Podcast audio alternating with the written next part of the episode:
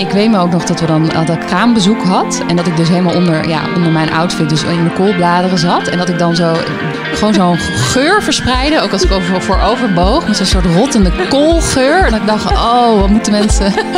Wat ben ik aan het doen? Wat ben ik aan het doen? Hoi, ik ben Anna. En dit is Journey. Wij zijn twee moeders met jonge kinderen en een carrière. Deze podcast was er dan ook bijna niet geweest. Want werkende moeders zijn best druk. Maar we weten dat het fijn is om te horen hoe anderen het doen. Zodat je ziet dat het bij niemand thuis altijd perfect loopt. Want ja, shit happens. De podcast van Viva Mama.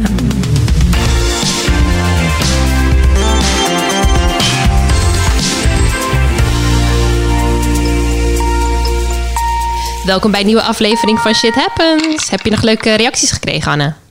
Nou, we vonden natuurlijk de vorige aflevering over de moedermafia wel spannend, omdat wij ook ons oordeel hadden. Uh, we kregen een reactie van Stephanie, luisteraar, uh, en haar mening vond ik wel interessant. Ze zei van je kan best uh, maatschappelijke tendens afkeuren, hè, dat moeders financieel afhankelijk zijn, zonder dat je direct zelf tot de moedermafia behoort. Oh, dat is best fijn. Dan hoeven wij niet per se tot dat clubje te behoren, nog? Nee, precies. Ja. Dat vond ik wel interessant. En ze zei van, uh, dus dat je niet per se individuele keuzes van moeders afkeurt. Ja, want we weten natuurlijk ook vaak niet hoe iemand tot een bepaald besluit komt of waarom die dingen doet. Het is allemaal niet zo zwart-wit. Nee, precies. Ja. En um, nou, we beginnen natuurlijk iedere aflevering met een moment dat wat minder goed ging deze week. Ja. Um, wat was dat bij jou? Nou, bij mij was het een vrij praktisch ding. Ik weet niet, maar ik hou sowieso heel erg van dingen regelen en dat alles altijd op orde is. Maar mm -hmm. wat je gewoon merkt bij um, op het moment dat je een kind hebt, is dat je gewoon niet bij alles altijd maar vooruit kunt denken. Dus uh, je denkt, oké, okay, ik moet die spullen, je moet, hè, je moet altijd luiers in huis hebben, maar toch kan het soms zijn dat je op het punt staat dat je opeens geen luiers hebt. Mm -hmm. Nou, wat gebeurde er nu bij mij? Um, een slaapzak. Ik weet niet of jouw kinderen in een slaapzak uh, hebben geslapen of nog slapen. Zeker, de jongste. Maar dat ja. is best wel een belangrijk ding, want daar moet natuurlijk je kind in. En dat hoort ook bij dat ritueel, zodat hij goed gaat slapen. Mhm. Nou, ik had die van mij in de was gedaan. Ik heb er altijd twee, maar die tweede was niet thuis. Dus ik had dat die slaapzak in de was gedaan. En uh, op een gegeven moment was het al half zeven. En ik dacht, fuck, ik heb hem dus niet in de droger gedaan. Oké. Okay. Dus dan heb je dus geen slaapzak.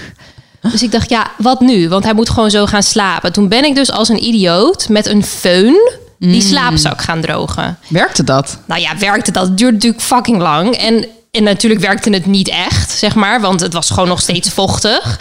En ik kreeg ook, en dat vond ik wel, dat ik dacht... oh ja, dit deed ik vroeger gewoon. Ik kreeg gewoon een déjà vu van...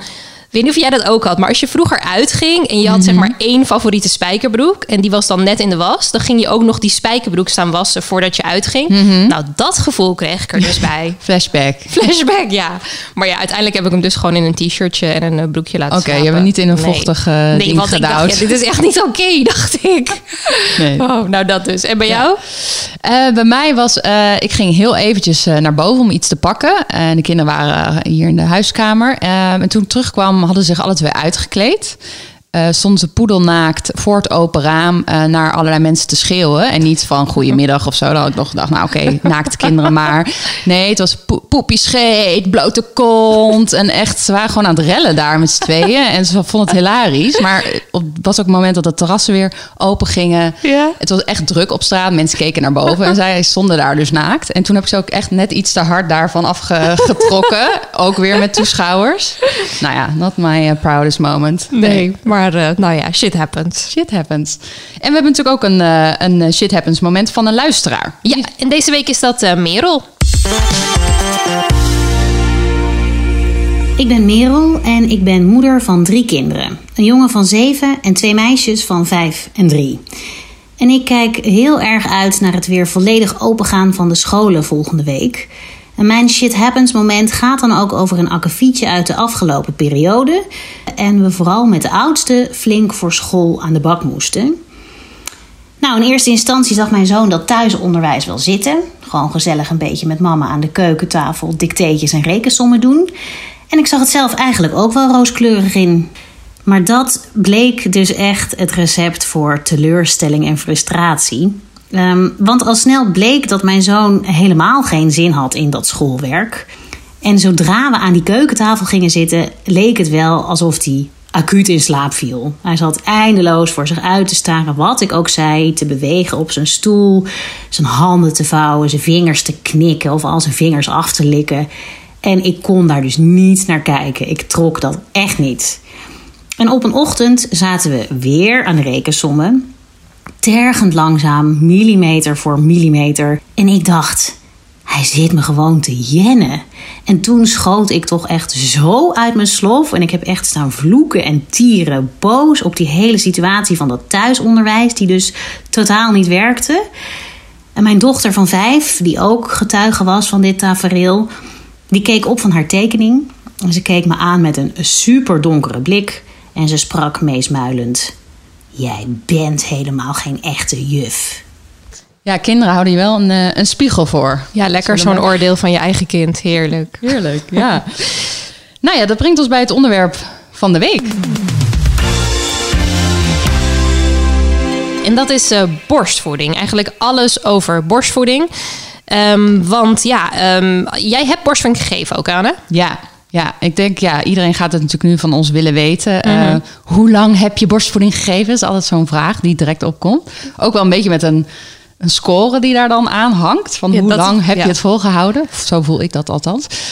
Um, ik heb bij de oudste uh, iets meer dan zes maanden en bij de jongste vier maanden. Ja. borstvoeding gegeven. Ja, en jij? En ik, uh, ja, zes en een halve maand. En terwijl ik al zeg zes en een half, vind ik dat ja. al bijna raar. Want ik had niet verwacht dat ik die half, zeg maar, belangrijk ja. zou vinden. Die twee weken, hè? Die twee weken, maar ik zeg het wel. Want hallo, het is wel gewoon twee weken waarin je echt je best hebt gedaan voor iets. Ja. Dus uh, ik noem hem wel. Het zes voelt en toch half, dan ja. ergens dus wel als een prestatie of iets wat je hebt ja, zeker. op te brengen. Ik denk het wel, ja. En in, in, die zin begrijp ik het dus ook wel. Maar wat ik er vervelend aan vind, is dat we dus ook een oordeel, onbewust al dan niet, kunnen hebben voor vrouwen die dat misschien minder lang of die het juist heel lang volhouden. Want ja. laten we daar ook niet, laten we dat ook niet vergeten. Ja. Er zijn ook vrouwen die jaren volhouden en uh, daar heb ik dan ook wel weer een mening over. Een peuter of een kleuter staat. Ja, uh, ja. die foto's borst. heb ik wel eens gezien. Ja, dat ik dacht, oké, okay, oké, okay, Game of Thrones vibes, Game of Thrones vibes. maar um, ja. Ja, maar ging het, bij, uh, ging het bij jou makkelijk? Hoe was de. Dat is natuurlijk altijd een beetje het, ja, je hebt zo'n idee van wat je wil. Mm-hmm. Borstvoeding, ja, nee, hoe lang, een beeld. Maar dan komt de praktijk. Je krijgt een baby. Van hoe, hoe ging dat bij jou in ja, het begin? Nou, ik, had, ik was dus wel van plan om borstvoeding te gaan geven. Uh, zoals veel vrouwen zeggen, ik wilde het proberen. Ja. Um, maar toen uh, bleek dat ik een geplande keizersnee zou hebben. En uh, nou, dat, dat wist ik ook niet. Maar blijkbaar kan het dan zo zijn dat je borstvoeding dan minder goed op gang komt. En dat was dus ook zo bij mij.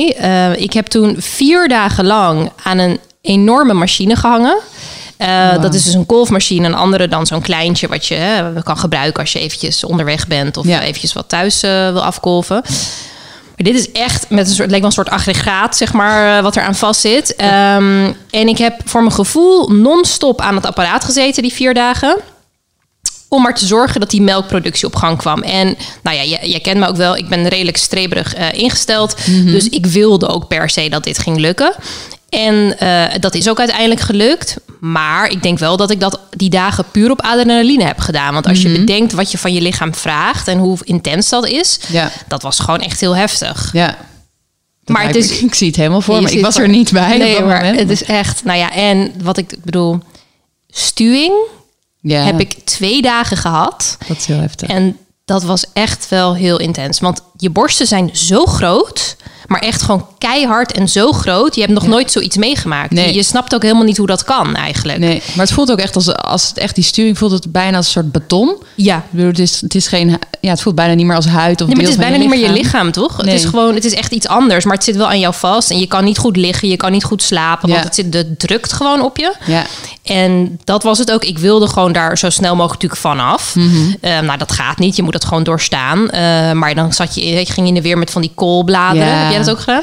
Ik heb ook die koolbladen gedaan. Ik herinner me nog ook heel goed dat je inderdaad die, die bladen moet je dan, nou, je koopt zo'n kool, dan ga je dan knakken. Hè, die bladen stop je in je bij je haar. Ja, in, in de koelkast of in de vriezer of zo. Ja, en ja. ik weet me ook nog dat we dan dat ik kraambezoek had en dat ik dus helemaal onder, ja, onder mijn outfit dus in de koolbladeren zat en dat ik dan zo ben ook best een beetje aan het zweten en zo en dat gewoon zo'n geur verspreiden, ook als ik over voor overboog met zo'n soort rottende koolgeur en dat ik dacht, oh, wat moeten mensen? wat ben ik aan het doen? Wat ben ik aan het doen? Maar Ja. het wer- dat werkte. Het werkte gevoelsmatig wel, voor Gevoelsmatig mij. enorm Ja. verkoelend. En het andere wat ik had gedaan, dat was dus een, eh, een tip ook... die ik kreeg via kraamzorg, was om in een, eh, een badje, een tijltje... met mijn borsten dus alleen van alkalisch zout te gaan liggen. Want dat zou dan ook, zeg maar, eh, het soort van het, afdrijven. Nou, dat werkte echt precies niet. Nee. Maar het heeft wel hele leuke foto's opgeleverd voor mijn vriend. Dat ik zo voorover gehangen hing in dat badje met mijn enorme borsten. Maar ja, ja dit, dit soort dingen dus. Maar Ja, verder, ik moet je er zeggen... niet voor over hebt. Waar je niet voor over... Maar ik vond borstvoeding geven dus echt heel fijn eigenlijk. Uiteindelijk. Maar hoe Ja. was dat voor jou? Ja, ik, ik hoorde inderdaad, van tevoren had ik ook dat idee van, dat hoor je vaak van, oh dan komen er van die gelukstofjes vrij en dan ga je zo zalig met je kind, zo'n moment en dan kijk je naar dat snoetje en zo. Bij mij was dat niet. ik had eigenlijk het tegenovergestelde, dat zodra ik mijn dochter en later ook mijn zoon, was dus bij beide het geval, aanlegde en die melk op gang kwam, werd ik instantly ontzettend depressief. Echt, ja, dat was heel heftig. Echt een soort zwarte wolken die zich boven me pakten. En ik zag, ehm, ja, ik zag het leven echt in, in een soort split second niet meer zitten. En werd heel verdrietig, heel treurig. Echt alsof ik in een soort gat viel. Mhm. Ehm, en pas achteraf, ik, ik, toen op dat moment dacht ik, oh ja, dit, het voelt heel heftig. En ik heb het zeker ook met mijn vriend over gehad, maar niet eens met de kraamhulp. Behalve bij de tweede keer. Ik had dezelfde kraamhulp. En die was heel boos dat ik het de eerste keer niet had gezegd. Want het schijnt dus een soort officieel iets te zijn. Wat echt een hele kleine groep vrouwen heeft. En dat heet dus ehm dysforische toeschietreflex. En dat betekent dus dat je dopamine levels echt Ja. heel hard kelderen op dat moment. Dus het is echt een hormonaal iets, niet iets psychisch. Het zijn Nee. stofjes in je lijf die net anders werken dan de bedoeling is. Ja, maar En je had er was- ook gewoon nog nooit van gehoord dus. Ik had daar nooit van gehoord. Ik- en ik pas heb echt achteraf, nog nooit gehoord. Ja, achteraf heb ik pas eh, na googelen, ook omdat het gewoon er is heel weinig over bekend ook eigenlijk. Je Ja. vindt wat informatie op eh, websites, maar ik heb er nog nooit iemand verder over gehoord. Of, Nee, maar jij hebt er dus ook niks over gezegd eerst. Waarom deed je dat niet dan? Nee, nou ja, ik, ik had, ik denk dat ik gewoon niet genoeg besefte van dat dit niet, eh, ja, dat dit niet, niet de bedoeling was. Of dat het, ja, ik, ik dacht niet dat het daaraan lag. Dat gewoon, nou ja, weet je, je hoort wel, ik was wel gewaarschuwd van die roze wolk hoeft niet altijd roze te zijn. Mhm. Nou ja, misschien is dit vermoeidheid. Ik had gewoon, ja, het idee van, nou, we moeten hier even doorheen. En het werd ook minder. Ik had vooral in die eerste ja, twee weken en later eh, vlakte het wat af. Maar ik heb altijd gehouden dat gevoel van die borstvoeding. Eh, dus nooit dat zalige, eh, rustgevende gevoel, maar echt wel, ja, tot ik een soort van een beetje misselijk werd, een soort, ja, gewoon een naar gevoel heb ik Nou. altijd gehouden. Wat vervelend. Ja, maar wel milder en ik Ja. heb het dus wel kunnen volhouden, maar wel dat is echt eigenlijk extra knap. Want was jij ook iemand die eh, zeg maar overal borstvoeding kon geven? Ehm, nou, ik, ik op een gegeven in het begin niet, want ja, je, bedoel, je kent dat. Het is, het is echt een techniek, hè? Daar Ja, had ik me ook op gekeken. Ja, je denkt, oh, je hebt een tepel, je hebt een baby en dat gaat goed, maar dat, niet dat, heus. Dat zet Ja. je eraan en dan gaat het drinken. Nou ja, dat aanhappen. Ik had, eh, nou ja, mijn kraamhulp was er heel precies in. Dat vond ik in het begin heel irritant, maar later heel fijn. Iedere keer niet goed aangehappen, weer eraf, weer opnieuw. Dat is een soort hoek wat een kind moet hebben met dat mondje aan je. Ja. tepel. Ehm, en dat in het begin is dat zo gehandig, ook om dat lijfje goed te leggen. En dan, dus ik was zo vaak onhandig daarmee. Dan wilde ik liever geen pottenkijkers daarbij. Nee. Maar dat was meer die eerste weken. Later heb ik het zeker wel op locatie eh, gedaan. Ehm, maar ik vond het ook wel. Ik had een schoonmoeder. eh, heb een schoonmoeder. die is er nog steeds. Maar ehm, die eh, heel bemoeizuchtig was eh, met borstvoeding geven. In de zin, ze vond het heel mooi, maar ze ging er bovenop zitten. Ja. En zij had een neiging. eh, het neusje van de baby zit een beetje tegen je borst Ja. aan. Hè? En zij ging dan mijn borst soort van een beetje wegdrukken. Zodat hij kon ademen. Zodat hij kon ademen. maar dat is echt, dan gaat, het ook, dan gaat het hele, schuift alles op en zo. En dan heb je dus iemand die constant aan je borst zit. Ja. Dat, nou, ja, dat, Maar goed, jij hebt het nu nog over je schoonmoeder. Dat is dus de oma van je kind. Ja. Maar ik ging dus wel. Ik bedoel, ik heb ook echt op zoveel verschillende plekken borstvoeding gegeven. Echt in elk restaurant, café waar ik maar ben geweest, die hele kraamperiode en, en daarna dus. Want ik dacht, ja, weet je, dit moet gewoon. Maar eh, wat er dus gebeurde als ik dat deed. En mijn kind had vanaf zijn geboorte veel haar. Dus mensen hadden dus de neiging om vaak aan mijn kind te zitten. Wat ik op zich helemaal prima vind. Maar gewoon random mensen. Ja. Maar dus ook als ik borstvoeding aan het geven was. Dus dan zat ik in een café borstvoeding te geven. Liep er iemand langs en ging over het hoofdje aaien van mijn kind. En dan dacht ik echt, serieus? Maar dat is heel... Zij ze eigenlijk praktisch je borst aan het aaien, toch? natuurlijk, is toch Dat- super Dat doe je raar? normaal ook niet. Nou, ik, ben echt, ik heb dat echt nooit begrepen. Waarom, waarom, waarom mensen dit deden. Zo, Ja. per- in je, zo erg in je persoonlijke Ja. eh, space. Maar het dat is wel grappig dat je dat zegt. Want dat komt wel... Ik merkte wel dat je zoveel mensen... ehm, ja, ging je heel positief bejegenen als je dus aan het voeden was. Oh, wat goed dat je dit doet. Ja, maar dat, Dat- Is, dat is leuk dat je dit zegt. Want ik heb één hele mooie anekdote over Ivonie. En ik noem zijn naam gewoon even bij deze. Ik, eh, want wat, wat, ook bij borstvoeding komt kijken, is dat je ook moet kolven.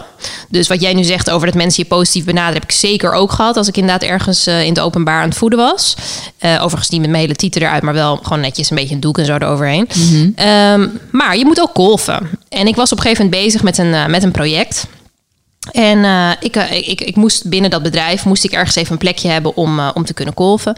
Dus ehm, eh, ik had een, een kleedkamer gekregen waar ik dan kon zitten. En op een gegeven moment, en ik zou nou ja, een kwartier nodig hebben.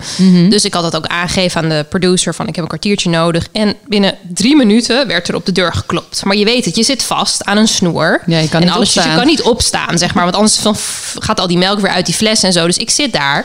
En er wordt geklopt en er wordt geroepen. En ik dacht, hè, maar ik heb toch gezegd, ik heb een kwartier nodig, weet je wel. Dus eh, ik kom naar buiten. eh, maak wel gewoon af, maar ja, met onder druk natuurlijk. Dus ik kom naar buiten. Zie ik daar staan Ivonie. Die schudt zijn hoofd en die zegt... Nou, dat doe je toch niet hier? Nee, meen je dat? Ik dacht, Maar omdat jij met je kolf... Hij had door dat jij dat hij had wist gedaan? dat ik dus in zijn kleedkamer, blijkbaar, Oh. aan het kolven was geweest. En hij had daardoor dus een kwartier op mij moeten wachten. En hij, ik kwam gewoon naar buiten en hij schudde gewoon zijn hoofd en zei dat gewoon tegen mij. En ik heb hem gewoon alleen maar, ik heb gewoon stralend glimlachend hem aangekeken en ik ben doorgelopen. Ik dacht, Shame on Ivo. dit kan toch niet? Maar ik bedoel, dat is de andere kant. Er zijn natuurlijk ook Hij is mensen. ook groot geworden op eh, precies. moedermelk. Ja, of misschien op flesvoeding of ja. whatever. Maar om maar even aan te geven Ja. dat er zijn natuurlijk ook mensen die er op een andere manier naar kijken en het toch niet helemaal begrijpen. Ja, ja. Nee, dat kolf. Ik herinner me ook eh, een moment dat ik eh, was toen een soort van mijn eerste uitje, zeg maar, na, na de geboorte ehm, van de oudste, dat ik met vriendinnen uit eten ging. En met mijn kolfmachine mee natuurlijk. Eh, en dat heb ik iedere keer toen uitgesteld, want het was zo gezellig. Ja. En ik dacht, nou weet je wel, dat doe ik wel op het einde. Ehm, en toen... nou ja, dan krijg je inderdaad die situatie van dat die borsten maar voller en voller en voller worden. Echt gewoon, die, gewoon stenen eigenlijk. Eh, en dat mijn vriendinnen ook eraan gingen voelen om te voelen hoe hard dat was. Keek iedereen ook best wel raar Ja. op in het restaurant. Eh, en toen heb ik in de trein terug in de wc gekolfd. In de Dat is wel echt wc van de trein. plek. Ja, hele vieze plek. Dat is echt heel vies. heel vies. Maar ik had ook toen wijn gedronken, dus heb ik het ook weggegooid. Dus het idee was ook niet dat ik die melk dan nog moest eh, Geven, geven. ja. Maar dat was wel een van de, de, de mindere kolfsessies. Dit klinkt, wel- kan ik wel dit zeggen. klinkt als een klein dieptepuntje. Ja. Ja, maar ik denk dat je toch wel in het begin best wel onderschat dat het gewoon wel hard werken is om borstvoeding te geven. Het is echt zo hard werken. En ook eh, je doorzettingsvermogen van, omdat je dan echt heel graag moet willen ook. Mhm. Ehm, en het gaat ook gewoon best wel vaak, gaat er gewoon iets mis met Ja. een hele borstvoeding geven. Ja. Dus bij mij was het zo toen, we het, eh, toen die borsten voor mij zo groot waren, Mhm. dan worden ze eigenlijk een soort ballon. Hè? Dan, eh, en, en dan is het voor een babytje dus best wel moeilijk om dan goed aangelegd te worden. Mhm. Dus wat was, ik weet niet of jij, heb je ooit van een tepelhoedje gehoord? Ja, ik heb er wel van gehoord. Ja, nou ja, wat, is dat eigenlijk? Een tepelhoedje is een soort plastic tepel die je dus op je eigen kan plakken, zodat je kind veel makkelijker kan drinken. En bij mij was het zo eh, in die beginperiode dat ik eh, ja, heel graag natuurlijk gewoon mijn kind zelf wilde voeden, maar het ging niet omdat hij het niet aan kon happen omdat het zo vol zat. Dus toen heb ik zo'n tepelhoedje moeten gebruiken. Nou, en dat was dus echt een lifesaver, want Ja. daardoor kon het gewoon eh, goed, kon mijn kind gewoon goed drinken. Ja. Maar dat zijn dingen, daar had ik gewoon nog nooit van gehoord Nee. hiervoor.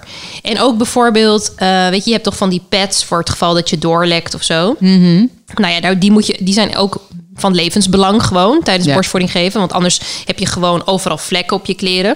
Ja. En wat dan niemand tegen je zegt, wat ik echt vanaf het begin had willen weten, is dat als je gaat slapen, dat het best handig is om twee pads per Ja. borst te doen. Want dan lek je tenminste niet door en word je niet midden in de nacht wakker, helemaal zijknat van je eigen melk. Ja, dat is bizar. Hoeveel er dan nog uitcijpelt ook. Oh je hebt gewoon van die enorme vochtige Ja. compressen die je dan weer weg moet gooien.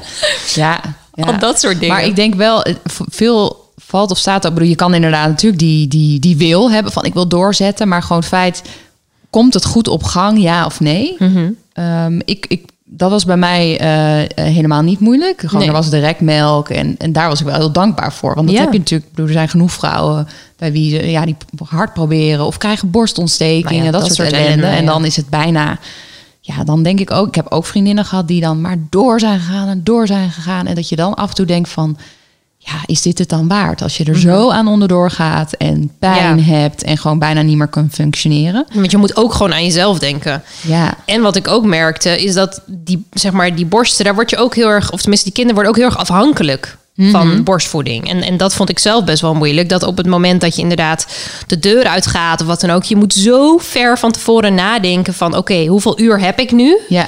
Om eh, weer tot de volgende voeding. Eh, Ja. en, en jij bent ook daardoor degene die het meeste zorg moet Ja. dragen. Had jij dat ook? Zeker. En waar ik echt af en toe echt gek van werd, eh, dat zinnetje van mijn vriend. Van als de baby dan helde, oh, misschien heeft ze honger. Ja, dat iedere keer werd ik er dan weer bij gehaald van jij moet het nu gaan fixen met je, met je tiet. En, echt, eh, en dan werd ik soms echt agressief. Zo van, ik heb hier het schema liggen. Heb ik net gehad. Een half uur geleden van de rechterborst. Weet je. wel. Dan heb je zo'n heel papiertje met R, L, R, L, L, L, R en zo. Van links, rechts. Oh, daar kon ik zo boos om worden. Van dat, ik dan, dat ik het dus dan moest oplossen. Dat ik Ja. wist van dat is het niet. Het is een ander heldje. Ja. Ehm, en dan moet jij weer aan de bak. En dan kon ik af en toe echt... Nee, maar is dat het ook? Ik heb, maar ik heb die ergernis is zo herkenbaar.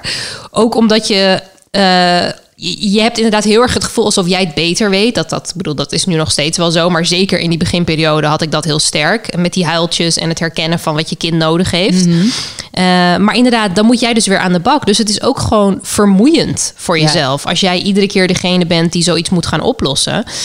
Maar moet ik er wel meteen bij zeggen ik heb ook wel vaak gebruik gemaakt van het feit dat ik degene was die dan mijn kind kon troosten. Want soms is het natuurlijk niet dat een kind honger heeft, maar heeft het alsnog wel hetzelfde effect Mhm. Ja. als je borstvoeding geeft. Dan want je toch gewoon de Precies, want, erin. want dan, of dan is het genegenheid of die warmte of, Ja. of wat dan ook. En dan Ja. heb je het alsnog opgelost. Dus ik heb er ook wel gebruik van gemaakt dat het kon. Ja, snap ik, ja. Ja, want die borstvoedingsmafia, ik merkte vooral dat veel vrouwen van wat aan oudere leeftijd eh, Mhm. daar eh, echt een mening over hadden. Dus eh, waar je ook aan het begin refereerde van ja, eh, hoe, hoe lang heb je dat gedaan? Ik merkte gewoon dat anderen daar echt wel eh, je ook gewoon vonden dat ze daar ongevraagd advies over konden geven. Van hoe lang je het moest doen. Hoe lang je het moest doen. Dus dan eh, heb ik meegemaakt dat ik... eh, ik weet nog dat het een oliebollenkraam was. Ik ging daar een oliebol kopen. En op dat moment was mijn zoontje... had een soort eczeemplekje of zo op zijn wang. En eh, die mevrouw die mij die oliebol verkocht... die keek daarnaar en die zei... oh ja, nee, je moet echt, je moet echt heel lang borstvoeding geven hoor. Je moet echt wel... Ik heb wel bijna twee jaar borstvoeding gegeven. Dan krijg je dat soort dingen niet, zei ze tegen mij. En ik dacht, dan krijg je dat soort dingen niet. Ik dacht, en op dat moment was ik dus net begonnen met het afbouwen van een voeding. en ik weet nog dat ik toen echt zo'n beetje zo mijn hart een beetje brak van... komt het dan nu door omdat ik dan één voeding nu oh ja, minder die geef? plek is gewoon dat flesje. Ja, dat het gewoon... Nou, ik, ik werd, kreeg er gewoon een naar gevoel van. Terwijl ik echt dacht, deze vrouw heeft mij net alleen een oliebol verkocht. Waarom ben ik nu, zeg maar, hè, onder de indruk van wat zij, tegen mij, wat zij tegen mij zegt? Maar je bent zo hormonaal en zo gevoelig voor dat soort dingen. Ja, ja. Dus ja, dat, dat, dat is ook echt vervelend. Maar had jij dat niet toen je ging afbouwen? Dat je ook twijfels had van doe ik het ja, wel goed? zeker wel. Ik had wel zo van dat je ga je inderdaad om die voedingen dan af te bouwen, één voeding dan um, zo'n flesje maken en dat voelde dan wel eens een beetje als vals spelen of cheaten of zo dat je Ja. dat flesje dan Terwijl je gewoon het ook nog in je borst had, bedoel ja, je? en dan moet je het eh, ja, maar je moet ergens beginnen. En Ja. ik vond het een heel eh, raar idee van eh, dat afbouwen. Hoe doe je dat dan? Allemaal schema's online gezocht en maar gaandeweg, ja, toen ik gewoon begon, ging het eigenlijk wel natuurlijk, want zodra je er één afhaalt, Mhm. dan neemt die productie gewoon af en het ging uiteindelijk wel redelijk vanzelf. Maar ik vond het wel een, een stap om met die poeder te beginnen. Enorm, En zo'n doos te kopen. En dan, oh ja, ik ben dat, dit nu aan het doen. Wat op die doos staat natuurlijk ook van... eh, moedermelk is het beste Ja, en zo. dat En- ook. en dat is soort natuurlijk confronterende dingen. En in Nederland is dat nog, nog veel meer.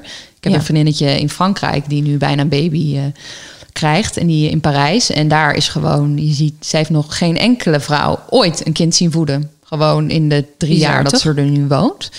Ehm, want iedereen gaat fulltime aan de bak en dat, dat, dat borstvoeding eh, geven is maar eh, een gedoe.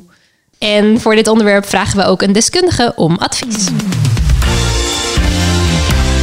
Deze week vragen we hulp aan lactatiedeskundige Annelies de Haan van eh, De Boezemvriend. En zij doet dit werk al eh, 16 jaar en is ook tijdens eh, mijn kraamweek bij mij op bezoek geweest. Hi Annelies. Hallo. Hallo. Ja, om maar te beginnen. eh, ik ben wel benieuwd naar jouw ervaring uit de praktijk. Ehm, willen alle vrouwen borstvoeding proberen? Eh, alle vrouwen zeggen dat inderdaad wel. Hè? Dat is het eerste wat ze zeggen. Ik ga proberen borstvoeding te geven. Vind ik soms een beetje jammer.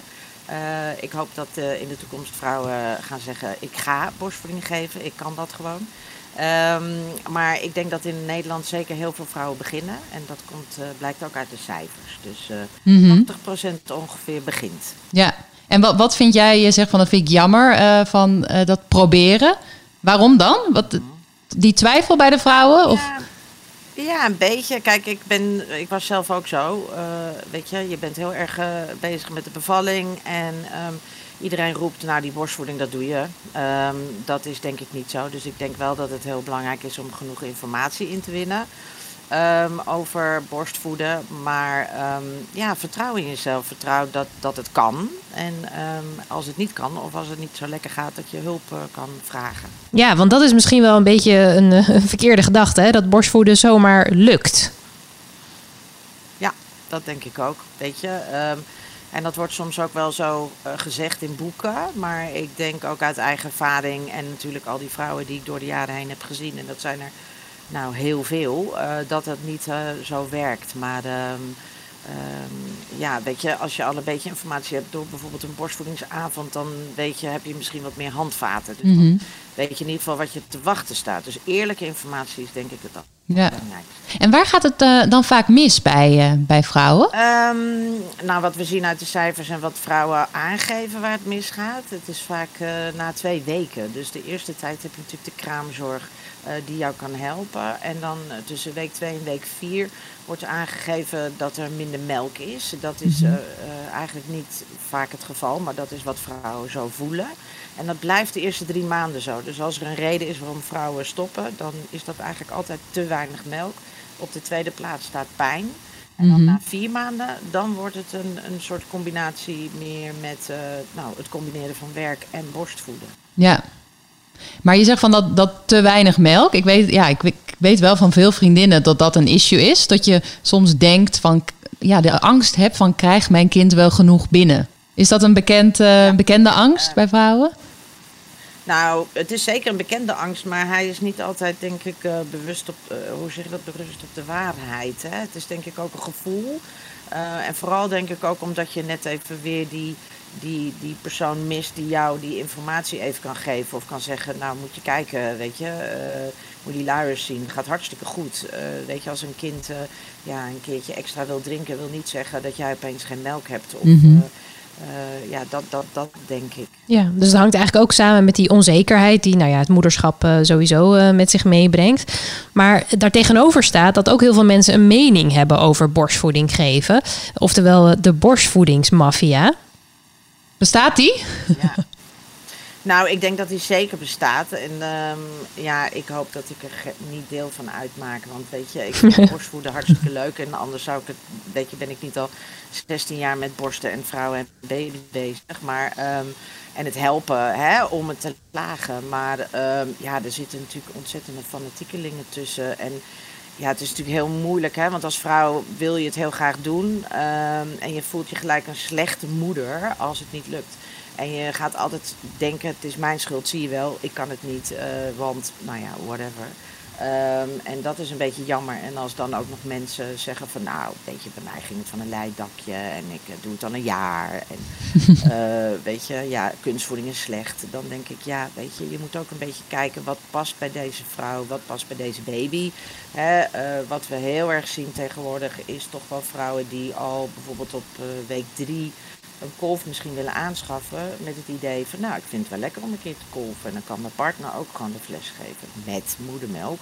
Maar weet je, dus kijk gewoon heel erg naar wat de behoefte is van moeder, baby en partner. Ja. ja. En is het nou zo dat, dat Nederland ook een echt borstvoedingsland is?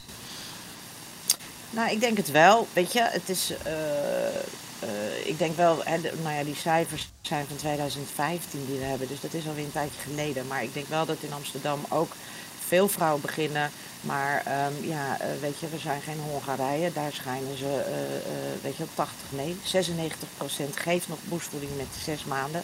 Mm -hmm. Maar dan heb je het ook wel weer over vrouwen die drie jaar, um, ja, hoe zeg je dat, zwangerschapsverlof hebben. Hè, met gedeeltelijk behoud van hun loon. Dus dat is mm -hmm. gewoon een hele andere situatie. Dus ik denk ook wel dat als wij hè, daarin meer ruimte krijgen. Want dat heb ik jullie ook horen zeggen, hè, met werken en kolven. En nou, probeer het maar te combineren. Um, ja, het wordt ons ook niet altijd even makkelijk gemaakt daarin. Hè. Dus uh, alhoewel de hoogopgeleide vrouwen, zien we wel, die gaan toch vrij lang door met borstvoeden. Merk jij bij, uh, bij, bij vrouwen met bepaalde beroepen dat het bijvoorbeeld extra moeilijk is om uh, borstvoeding te blijven geven als ze weer aan het werk zijn? Ja, dat denk ik wel. Ik denk vooral beroepen beroepen als uh, hè, ambulance uh, chauffeur, chauffeuse heet dat denk ik in, in die taal. Um, misschien wel chirurg, operatie, verpleegkundige, maar ook advocaten die toch wel heel graag door willen gaan. Maar in die wereld um, ja, uh, tijd is geld, uh, letterlijk en figuurlijk. Dus uh, zij, moeten, ja, zij krijgen niet heel vaak de ruimte om te kunnen kolven. En dat vind ik, ja, zeker als advocaat, denk ik toch wel kwalijk. -hmm. En heb je nog een, een, een, laatste tip of advies voor vrouwen die nou ja, misschien nu zwanger zijn en met borstvoeden willen gaan beginnen als de baby er is? Nou ja, ik, ja, ik blijf erbij dat toch uh, wat meer kennis heel fijn zou zijn. En, wat, en op wat voor manier dat is, denk ik, is aan de vrouw zelf. Maar weet je, ik geef al jaren en met menig lactatiekundige in Amsterdam geven we borstvoedingsavonden, middagen.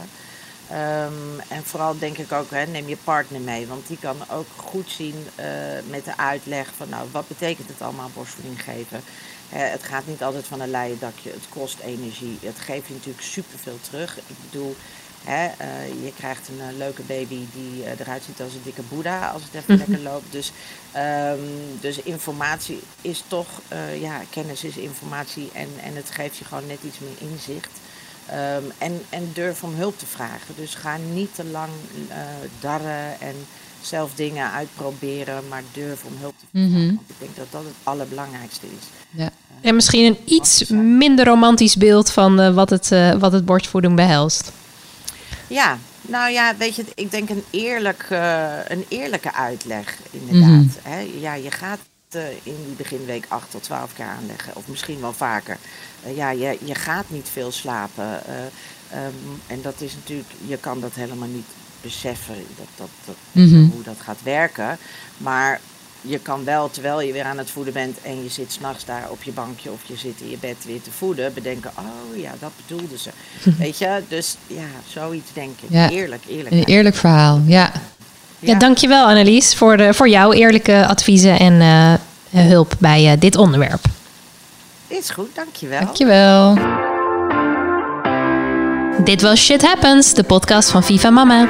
En in de volgende aflevering gaan we het hebben over hoe je meer orde en rust in het gezinsleven creëert. Nou, dat zou best, dat zou best handig zijn, ja, inderdaad. Ja, een beetje tips en uh, tricks om uh, de boel een beetje op orde te krijgen. Precies, ik ben heel benieuwd. Um, je kunt ons volgen, dat vinden we heel leuk, op ons Instagram-account, podcast Shit Happens. En op het Instagram-account van Viva Mama. Laat vooral weten wat je ervan vindt. Tot de volgende!